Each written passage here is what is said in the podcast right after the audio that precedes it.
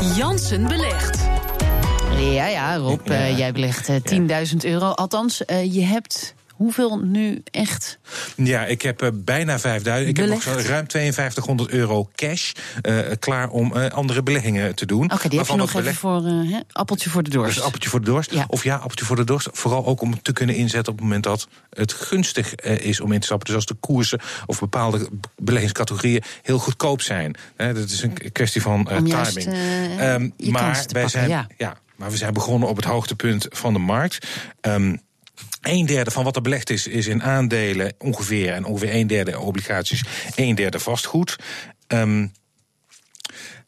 Nee, de aandelen, ik kom daar bijna, een keertje met bijna, goed nieuws. bij- bij- Het gaat goed met de beurs, man. Die staan ja, in de daar heb plus. je gelijk in. Daar heb je gelijk in. Maar ik ehm, zit niet één op één in de AEX, maar dat heb ik al eventueel in 100 Europese aandelen. Ja. Ook bijvoorbeeld eh, eh, ongeveer eh, 6% in Spaanse aandelen.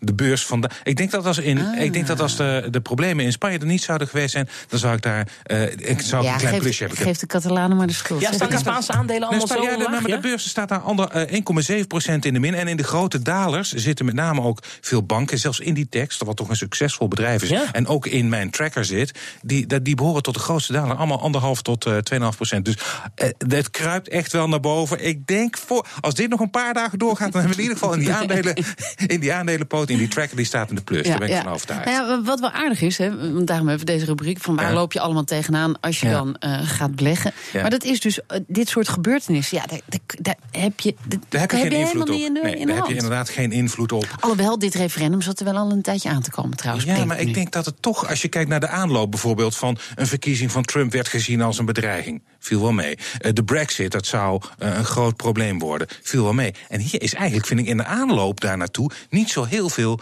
eh, eh, is, nooit, is niet zoveel aandacht aan besteed als destijds hè, die twee andere evenementen Ja, die ik ja. Dus Ja. eh, ik denk Maar dat. het herstelt toch ook altijd weer? Dan is er even Ja, zo'n tip, klopt. omdat er, oh, er paniek. En dan gaat, gaat die beurs omlaag en dan na een paar weken is het weer langzaam toch weer op het niveau waar het was. Dat, dat, dat klopt. Dat kan nu ook zo zijn. Ik, ik vind het bij Catalonië heel moeilijk te voorspellen wat daar gaat gebeuren en wat daarvan de gevolgen zullen zijn op de beurs. Maar het is waar, dat, kan, eh, dat heeft in zekere zin ook invloed eh, op eh, eh, de aandelen die ik in portefeuille heb. En ga je daar wat mee doen ook met die kennis Eh, dan? Of laat je het gewoon even laat je Nee, ik ga niet, eh, omdat er nu tijdelijk. eh, eh, eh, nee, want ik zie toch de trend. eh, die, die gaat omhoog van, de, van het aandelen eh, eh, pakketje. wat, wat, een, wat een ander punt is, wat eh, wel een rem is, is dat de rente heel langzaam aan het oplopen is. Goed nieuws voor pensioenfondsen, want het werd vandaag ook bekend dat pensioenfondsen hun dekkingsgraad weer iets verbeterd is. Maar voor vastgoedbedrijven eh, is dat weer.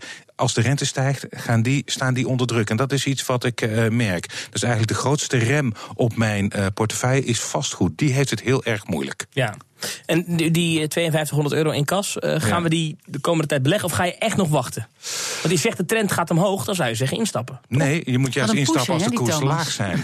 En wij zijn begonnen juist eh, op het moment dat de beurzen in Europa op een, vrij ho- op het hoogste stand van het jaar toen, dat Ja. was eh, halverwege mei, eh, zijn daarna gedaan. Dan moet die hele rit naar boven weer goed maken.